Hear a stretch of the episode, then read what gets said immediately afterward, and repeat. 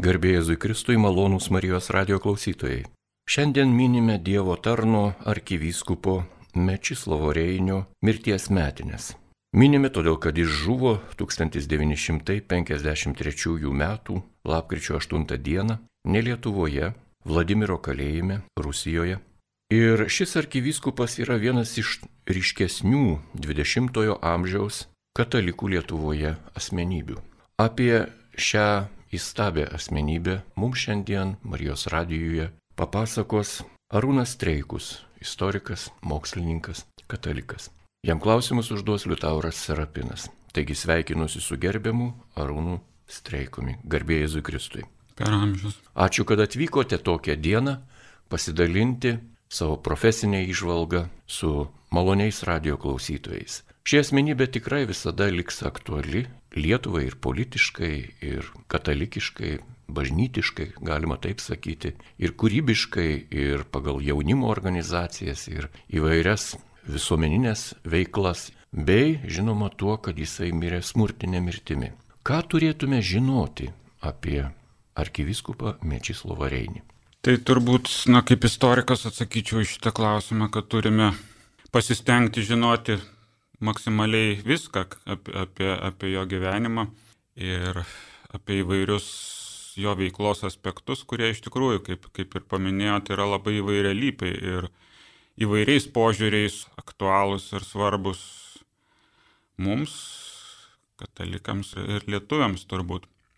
Tai arkiviskopo Mečislovo Reinio veiklą, gyvenimą turbūt galima suskirstyti na, taip analitiškai žvelgiant į keletą, į keletą segmentų pagal, ir pagal jo laikotarpį gyvenimo chronologiškai ir pagal veiklos aspektus. Tai pirmiausia, turbūt e, reikėtų kalbėti apie tą ankstyvąjį jo studijų ir pirmųjų jau darbo metų kaip kunigo, kaip dėstytojo metų laikotarpį, kurį galima iš dalies pavadinti ir pirmuoju Vilnietišku periodu.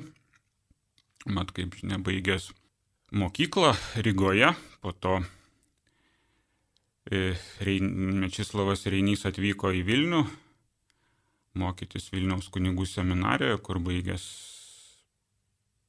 pirmuosius filosofinius kursus ir teologijos pirmuosius kursus, po to išvyko į Peterburgą, į Dvasinę akademiją, ten tęsti aukštųjų teologijos mokslų ir grįžęs pirmojo pasaulinio karo išvakarėse, čia jau keliams metams liko Vilniuje, kur, kur dirbo ir pastoracinį darbą, ir kapeliono darbą lietuviškoje gimnazijoje ir galiausiai turbūt svarbiausia jo veikla šio laikotarpio dėstytojavimas Vilniaus kunigų seminarijoje.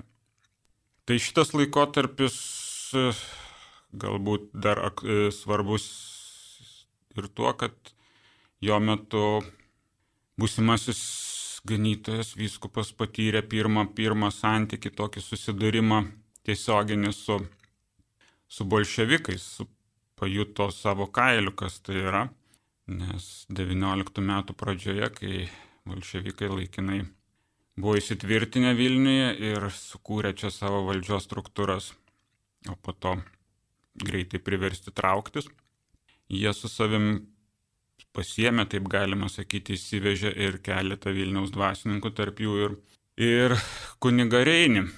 Ir jis vėliau savo tokiuose jau memoariniuose liudimuose labai taip su tam tikro jau iš laiko perspektyvos, iš dalies ir su humoru, bet, na, laikė tą patirtį svarbia pažinimui ir ne, ne tik tai bolševikų psichologijos pažinimui, bet ir kalinio psichologijos pažinimui, o jam tai, tai irgi buvo svarbu, nes dar nepaminėjau, kad, po, kad prieš atvykdamas į Vilnių po studijų Peterburgė. Viskupas Reinys nemažai keliavo ir mokėsi ir vakarų Europoje. Ir viena iš tokių svarbesnių jo biografijos, tos ankstyvosios biografijos stotelių buvo Liuveno katalikiškasis universitetas, kur jis studijavo ne tik tai filosofiją, įgyjo ne tik filosofijos daktaro laipsnį, bet taip pat studijavo ir gamtos mokslus, bei tuo metu dar visiškai naują tokį dalyką, naują discipliną mokslos rytį psichologiją. Ir po to jau, kai 22 metais atvyko į Kauną ir buvo pakviestas, na, prisidėjo prie Lietuvos universiteto kūrimo Kaune, jis nuo pat pradžių buvo pakviestas vadovauti teorinės psichologijos katedrai ir na, praktiškai iki pat šitos katedros panaikinimo teologijos filosofijos fakultete iki ketvirtojo dešimtmečio pradžios. Jie ir vadovavo, taigi galima laikyti tam tikrą prasme. Kuniga tuo metu dar Mečislavą Reinį ir vienu iš psichologijos mokslo kuriejų Lietuvoje. Turbūt jo paskaitos, jo seminarai universitete ir buvo paskata kai kuriems jaunuoliams rinktis psichologijos studijas ir, ir toliau akademinę savo karjerą sieti su tuo. Tai čia vienas iš tokių, turbūt irgi galima būtų sakyti, vienu, vienas iš pirmųjų biografijos akcentų, tai kad tas būtent indėlis psichologijos mokslo, nu tokio kaip ir kurėjo pradininko. Paminėjote labai svarbų bažnytinio gyvenimo tokį ir bažnytinio mokslo tam tikrą aspektą, nes ilgus metus psichologija buvo atskirta nuo bažnyčios. Ji buvo laikoma kaip, na, priešybė. Junktinėse valstijose dirbantis kunigai po antro pasaulinio karo turėjo tą tam tikrą prasme laikytis taisyklių. Jie negalėjo, būdami psichologai, negalėjo taikyti, na, sakykime, teologinių žinių savo darbe ir negalėjo siūlyti savo pacientams, sakykime, to religinio išganomojo ir gydamojo reikalo. Keista, bet tai buvo net po antro pasaulinio karo. Jūsų minimas arkiviskupas Mečislovas Reinys, būdamas psichologijos katedros vedėjų, yra tam tikra, na, išskirtis, taip? Tai čia turbūt, ką jūs paminėjote, tai čia truputį kitas turbūt aspektas, aš nežinau, bet čia turbūt amerikietiškos realybės dalykas, kad ten ta, na, labai griežtas atskirimas. Būtent psichiatrijos ir gal ne tiek psichologijos, kiek psichiatrijos. Religijos nuo valstybės ir, ir tas tuo pačiu ir tam tikra atskirtis ir tarp religijos ir mokslo irgi galima tą kalbėti, ypač jau po antrojo pasaulinio karo. Čia tas, na, iš bažnyčios pusės toks, na, skepsis ir, ir tam tikras atsargumas gamtamokslių ir tiksliųjų mokslų atžvilgių, aišku, jo irgi būta, bet, na, jau turbūt su popiežium Pijum XI tarpu kariu tas atviresnis ir tampresnis, glaudesnis ryšys yra ir čia jau to tokio net nėra, galbūt netgi atvirkščiai yra toksai skatinimas ir raginimas ir, ir dvasininkų, ir pasauliečių tas mokslo žinias ir, ir, ir savo religinius įsitikinimus kažkaip sintetinti, sieti ir panaudoti savo ir pastoracinėje veikloje, ir akademinėje veikloje. Tai čia tas, na, viskupo Reinio turbūt toks būtų irgi tipinis toks tuo metu modernaus dvasininko turbūt pavyzdys, kai jis, na, yra, turi tą ne tik tai teologinį, filosofinį gerą įsilavinimą, bet taip pat ir,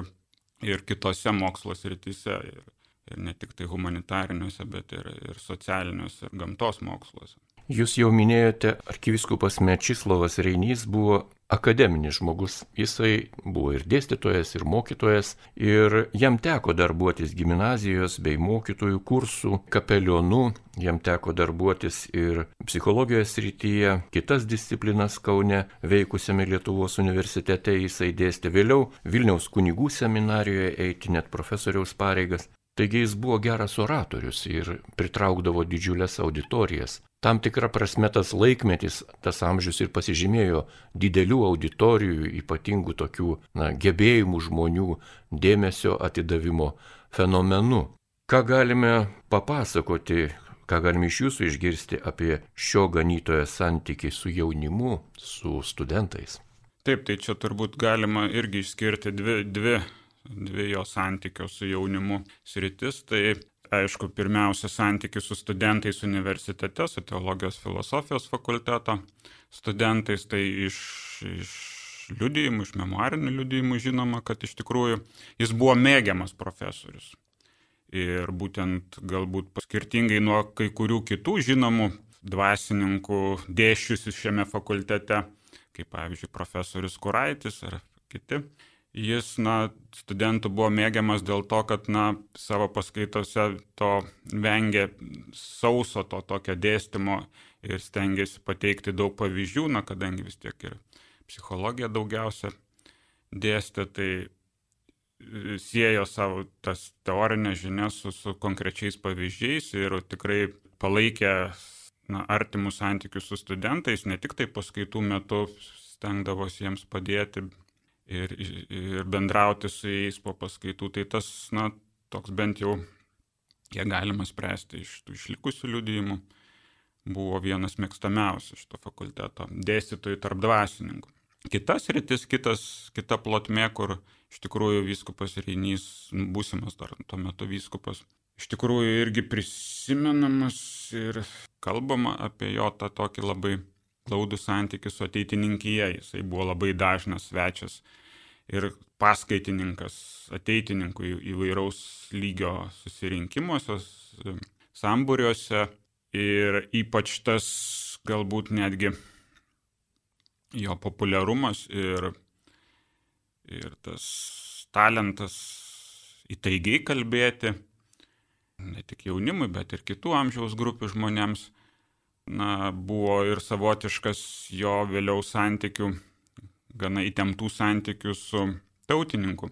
Valdžia, su, su to, kai jau pradėjo tautininkai po 26 metų perversmo varžyti tą visuomeninę viešą bažnyčios veiklą ir dvasininkų veiklą, bendrai katalikų veiklą, tai viskupas Reinys, kadangi ir toliau tęsė tą savo ir, ir kaip paskaitininko, ir kaip viešo kalbėtojo, ir kaip viešo rašytojo veiklą labai aktyviai, tai buvo toks vienas iš labiausiai užkliūnančių valdžios žmonėms dvasininkų ir, ir buvo skundžiamas ir Vatikanui per savus šaltinius, kaip na, vienas iš tokių aršiausių, didžiausių valdžios kritikų. Ir na, netgi kartais ta, ta informacija pasiekianti Vatikaną ir šiek tiek ir, ir veikdavo šventos sosto pareigūnus, Romos kurijos atstovus, na, žinom irgi iš tų diplomatinių šaltinių, kad ne visada be ta informacija likdavo be, be pasiekmių ir iš, iš e, susirašinėjimo nunciatūros su, su šventuoju sostu matom, kad gana kartais kritiškai ir, ir tiek švento sosto atstovai Kaune, tiek ir Romoje buvo gana kritiškai kartais irgi vertinami kai kurie Reinio pernelyg galbūt aštrus pasisakymai valdžios atžvilgių, kurie komplikavo tos santykius su bažnyčia ir kai kurie jo galbūt pernelyg e, skuboti sprendimai ir, ir pernelyg didelis noras kuo greičiau įsteigti katalikišką universitetą. Čia vėlgi dar viena tokia iš vyskupo Reinio veiklos ryčių labai gerai matomų, tai po to, kai tautininkai pradėjo varžyti teologijos filosofijos fakulteto veiklą, jau ketvirto dešimtmečio pradžioje katalikų visuomenėje iškyla ta, gal net neiškyla, o atgimsta idėja steigti Lietuvoje atskirą katalikišką universitetą, to teologijos filosofijos fakulteto pagrindu. Ir vyskupas Reinys kaip na, aktyvus tos idėjos šalininkas ir kaip akademikas, mokslo žmogus paskiriamas turbūt neatsitiktinai to katalikiško universiteto steigimo draugijos pirmininku ir yra tas pagrindinis spiritus movens to, to viso judėjimo už katalikišką universitetą ir, ir renka aukas ir, ir, ir rūpinasi programų kūrimu ir, ir būsimų dėstytojų, na, tokiu kaip ir iš ankstiniu verbavimu ir jau, na, tikisi labai greitai atidaryti tą katalikišką universitetą ir tos, na, tokios tam tikros galbūt skubos ir viešo kalbėjimo apie tai, dažnas ir gausus kalbėjimas apie tai viešas turbūt buvo viena vis dėlto iš priežasčių šiek tiek išgazdinusį irgi dar papildomai tautininkų režimą ir na, prisidėjusių prie to, kad nebuvo leista. Ne tai, kad nebuvo leista, tiesiog buvo pasakyta aiškiai, kad valdžia nepripažins šito universiteto ir tada jau buvo nuspręsta jo, jo nepradėti kurti, bent jau lai, tam, tam tikram laikui atidėti tą visą idėją. Malonus radio klausytojai, jūs girdite laidą, kurioje apie arkivyskupą Mečislovą Reinį, minint jo mirties dieną, jums pasakoja istorikas Arūnas Streikus. Jį kalbina Liutauras Sarapinas.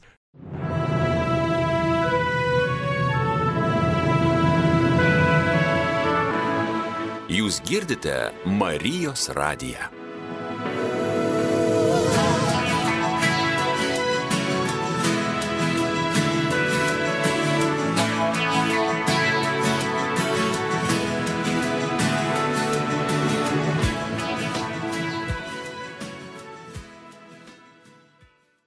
Tęsėme laidą. Jau minėjote apie arkiviskopo Mečislovo Reinio indėlį į akademinę bendruomenę, į jaunimo ūkdymą, studentiją, moksleiviją, ateitininkų organizaciją. Bet šis dvasininkas buvo dar ir politinėme gyvenime labai stipri figūra.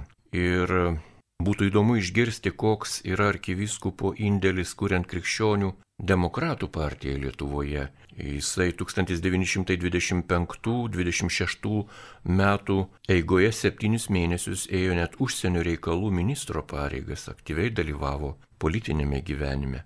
Kokie yra žinomi jo darbai tuo metu šioje srityje? Taip, tai iš tikrųjų kunigas vėliau vyskupas Reinys su krikščionių demokratų partijos ta kūrimu ir ankstyvąją veiklą yra labai glaudžiai susijęs, nes jis dar čia ir Vilniuje 18-22 metais e, buvo vienas iš tų, kurie prisidėjo prie programos kūrimo, o vėliau jau persikėlęs į Kauną jis buvo vienas iš to partijos aktyvo, sakykime taip, aktyviausių žmonių rate, buvo centro komiteto narys netgi vienu metu. Ir kaip jūs minėjote, 20, nuo 25 metų rudens iki 26 metų pavasario ėjo užsienio reikalų ministro pareigas.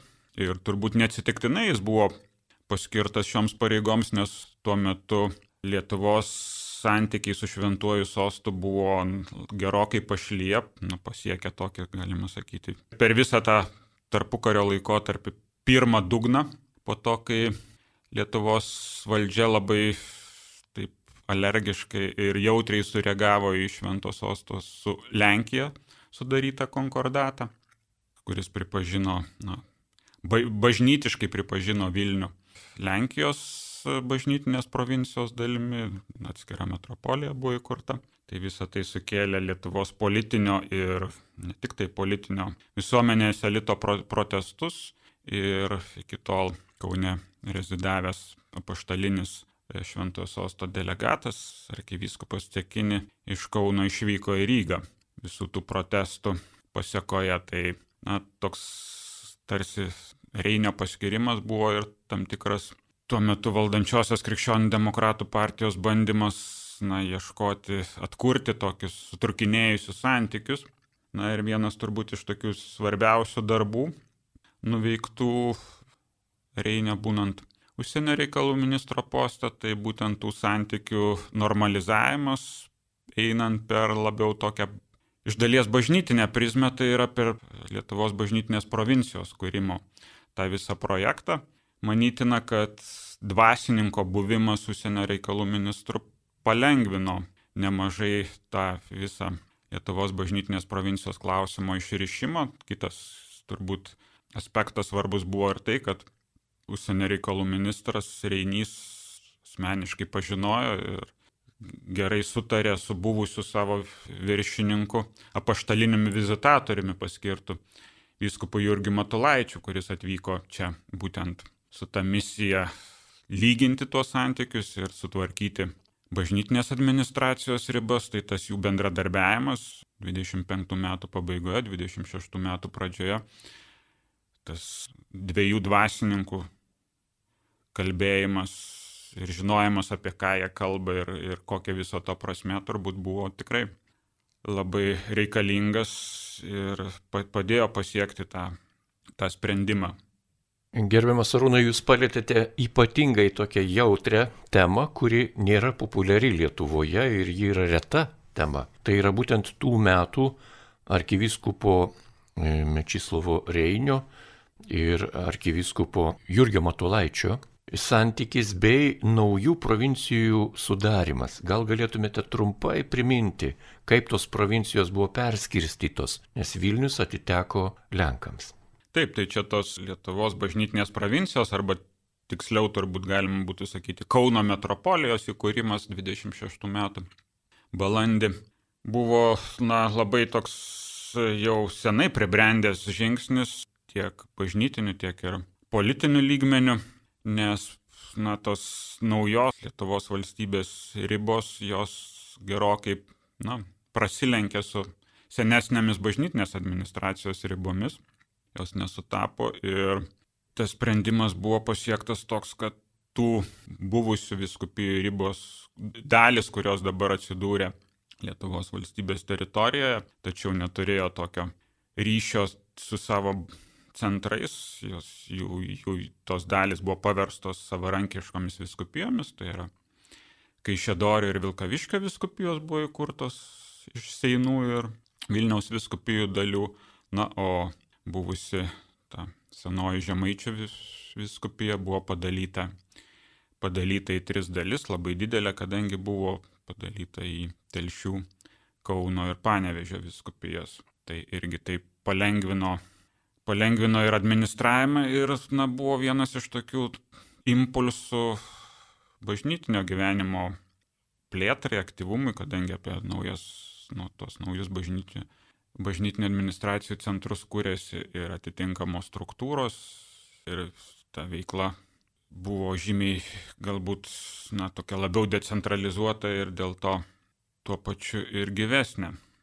Tęsėme laidą, malonus radio klausytojais girdite pasakojimą apie kankinį arkivyskupą Mečislavą Reinį, kurio žuties dieną šiandien ir mini Lietuvoje katalikų bažnyčia ir kiti istorijai jautrus asmenys. Be institucijos, be jokios abejonės. Taigi apie šį nuostabų vyskupą pasakoja istorikas Arūnas Treikus ir tęsiant kalbą norisi paliesti dar vieną arkivyskupo Mečislovo Reinio veiklos rytį, tai yra spauda.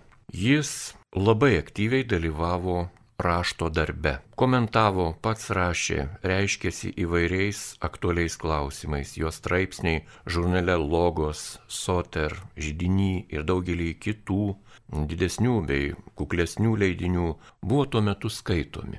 Kokias temas kokias mintis galime ir šiandien pasisemti iš arkivyskupo Mečislovo Reinio rašytinio palikimo.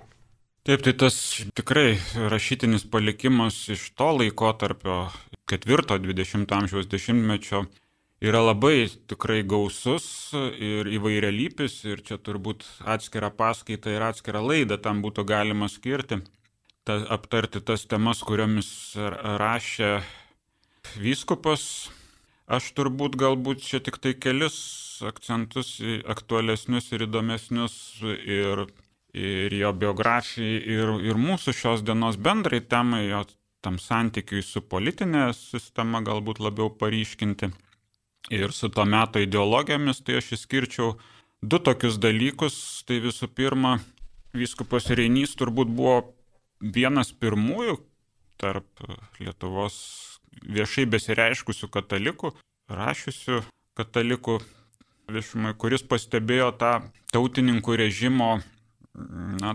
gravitaciją link totalitarinių ideologijų ir totalitarinių autoritarinių režimų praktikos, to imitavimo itališkojo fašizmo ir ir netgi tam tikra sąsaja su nacionalsocializmu Vokietijoje, tai jis dar iki Hitlerio ateimo į valdžią Vokietijoje jau 30-31 metais periodinėje spaudoje kritikuodamas būtent tą nutolimą nuo demokratijos Lietuvoje ir ypač jis ten, aišku, daugiausiai jam aktualiausia buvo religinių pasauliečių organizacijų veiklos varžymas kaip tų tokių struktūrų nepriklausomų nuo valdžios, e, autonomiško nuo valdžios viešo reiškimosi tą visą varžymą jis būtent interpretavo kaip tą, kaip imitavimą, kaip jis vadino totalistinio, totalistinės politinės antvarkos, kur valdžia ste, bando uzurpuoti visą tą nepriklausomą autonomišką viešą veikimą. Tai, tai jam tas buvo labai nepriimtina ir jis apie tai daug rašė.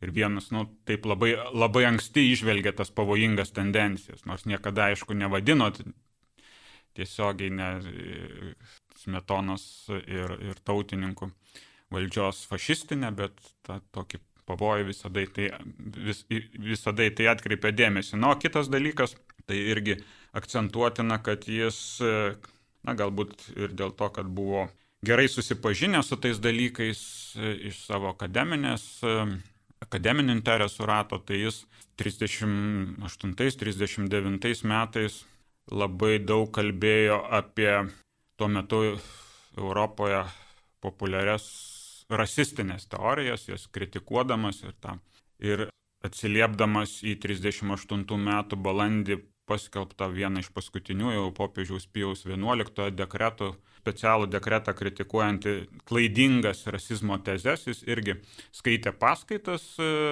38 e, metų rudenį ir po to tų paskaitų pagrindų parengė atskirą knygą Rasizmo problema, kur labai kritiškai irgi na, vertino, na, praktiškai tą, tą popiežiaus dekreto mintis išskleidė ir papildė, papildė akademiniais, moksliniais argumentais. Tai tas toks rasizmo prietarų ir rasistinių teorijų kritiko irgi galima pažymėti tą kaip tokio publicistojo vieną iš raiškos ryčių.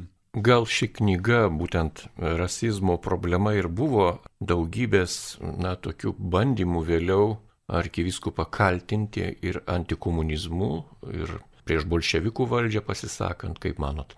Na, gal netiesiogiai tai, bet na, galima sakyti, kad iš tikrųjų dažnai kal, turbūt per daug apibendrintai ir ne visai teisingai kalbama, kad, na, arkivyskupas Reinys toks buvo labai įsitikinęs antikomunistas, aš greičiau sakyčiau, na, jis buvo būtent labiau antitotalitaristas, ta prasme, kad visos tos tokios doktrinos ir politinės sistemos, kurios e, e, suabsoliutina ideologiją ir pagal tos ideologijos principus tvarko visą visuomenės gyvenimą ir naikina bet kokias laisvo viešo reiškimosi formas. Visa tai jam buvo nepriimtina, jis visą tai kritikavo, tai natūralu, kad ir 40-41 metais, kai Lietuva susidūrė su tiesiogiai su, su viena iš, iš tų doktrinų ir ją paremtų režimų, jis.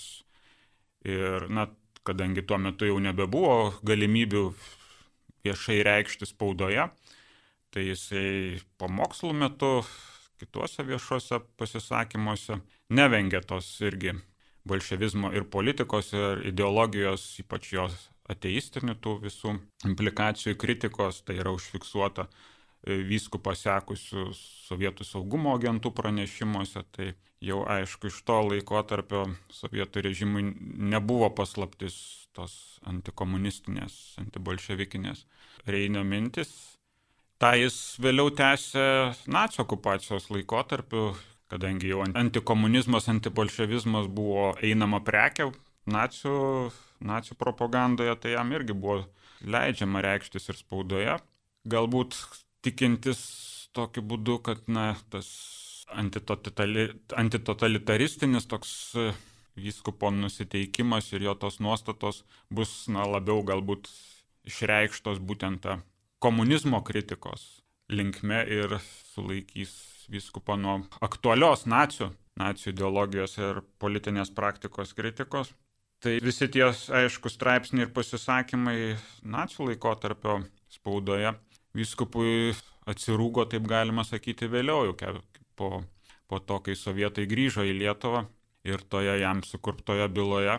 47 metais tie straipsniai būtent ir buvo vienas, vienas iš tokių na, stipresnių galbūt kaltinimų antisovietinė veikla ir antisovietinė propaganda, nes visi kiti kaltinimai tai tokie buvo, na tikrai labai, labai net iš sovietinės teisminės praktikos e, konteksto žvelgiant ir iš sovietinių įstatymų. Per, per sovietinių įstatymų prizmę žvelgiant labai jau tokie silpni ir gana akivaizdžiai buvo kaltinimai pagristi jam kaip, kaip dvasininkui, kad na, praktiškai už tų pareigų ir iš tų sprendimų, kuriuos, kuriuos jis na, privalėjo kaip dvasininkas daryti. Tai ir pavyzdžiui tas kaltinimas, kad jisai pamokslo metu užros vartuose kritikavo sovietinėje spausdoje tuo metu dažnus išpolius prieš Vatikaną, prieš Šventąjį sostą, prieš popiežių, nu, tai, tai be abejo jis kaip katalikų vyskupas negalėjo nereaguoti į tai.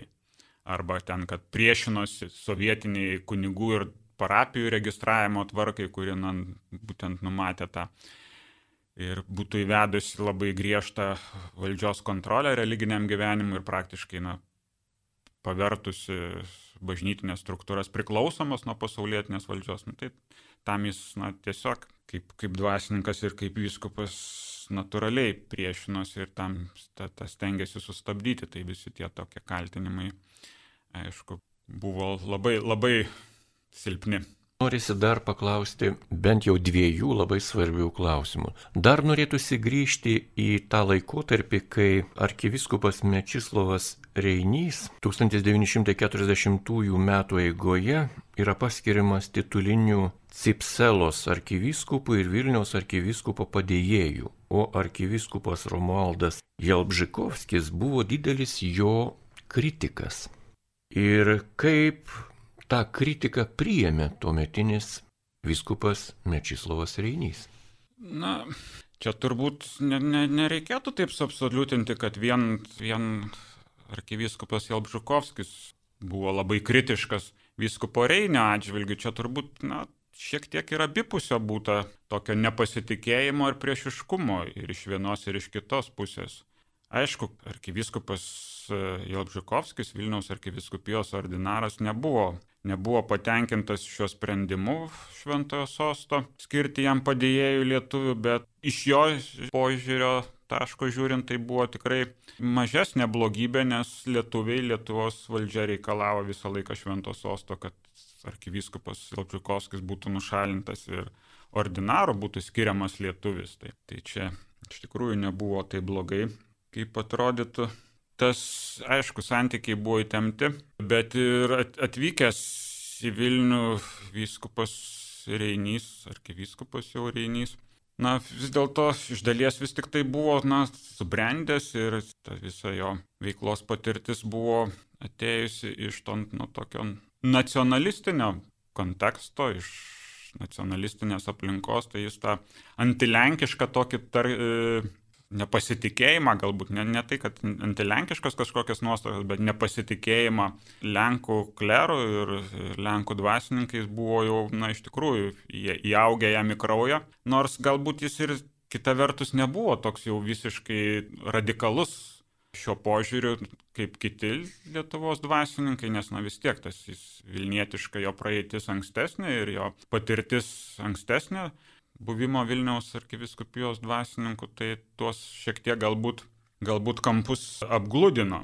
Bet na tai, kad jis vis dėlto nerado bendros kalbos su, su, su arkiviskupu Jelbžukovskiu, tai čia na turbūt beveik prantama to meto situacijoje, kai tų prietarų abipu, abipusių prietarų ir nepasitikėjimo būta daug. Tai iš tikrųjų Juolab, kad galbūt tą bendrą kalbą jis būtų lengviau radęs su tais vietiniais Vilniečiais, vietiniais Vilniaus dvasininkais, bet į Vilniaus arkiviskupiją tarpukario laikotarpį iš tikrųjų buvo po to, ypač po 25 metų, jau atvykusių nemažai dvasininkų iš kitur. Ir jie na, buvo tie vadinami endekai, irgi endekiškų pažiūrų, tai irgi buvo labai radikaliai antilietuviškai nus, nu, nu, nusiteikę ir kitų vietos mažumų atžvilgių nusiteikę. Pats, patsgi arkivyskupas Elžuhovskis irgi buvogi ne Vilnietis, jis atvykęs iš tų pačių iš Seinų viskupijos, iš kurios atvyko beje įdomu ir, ir vyskupas Reinys, ir nu tik tai iš tos šiaurinės vis, buvusios Seinų viskupijos dalies iš Vilkaviškio viskupijos. Tai čia tarsi taip įdomiai suplaukė iš Vilkaviškio viskupijos dvasininkai ir lenkai ir lietuviai, Jelbžukovskis ir keli jo aplinkos dvasininkai ir po to jau, kai nacijų okupacijos laikotarpiu irgi Reiny savo kai kuriuos pažįstamus Vilk, Vilkaviškio viskupijos dvasininkus atsikviečia. Na ir laidos pabaigai, dėl ko ir šiandien mes minime arkivyskupą ir dėl ko ši laida pasiekė jūs, gerbiami radio klausytojai. Arkivyskupo žūtis. Taigi 1947 metais einant į bažnyčią arkivyskupą Mečislavą Reinį suėmė trys kagebistai ir jis buvo nuteistas aštuonerių metų kalėjimo laikotarpiui. Arkivyskupas kalėjo Vladimiro kalėjime ir mirė 1900.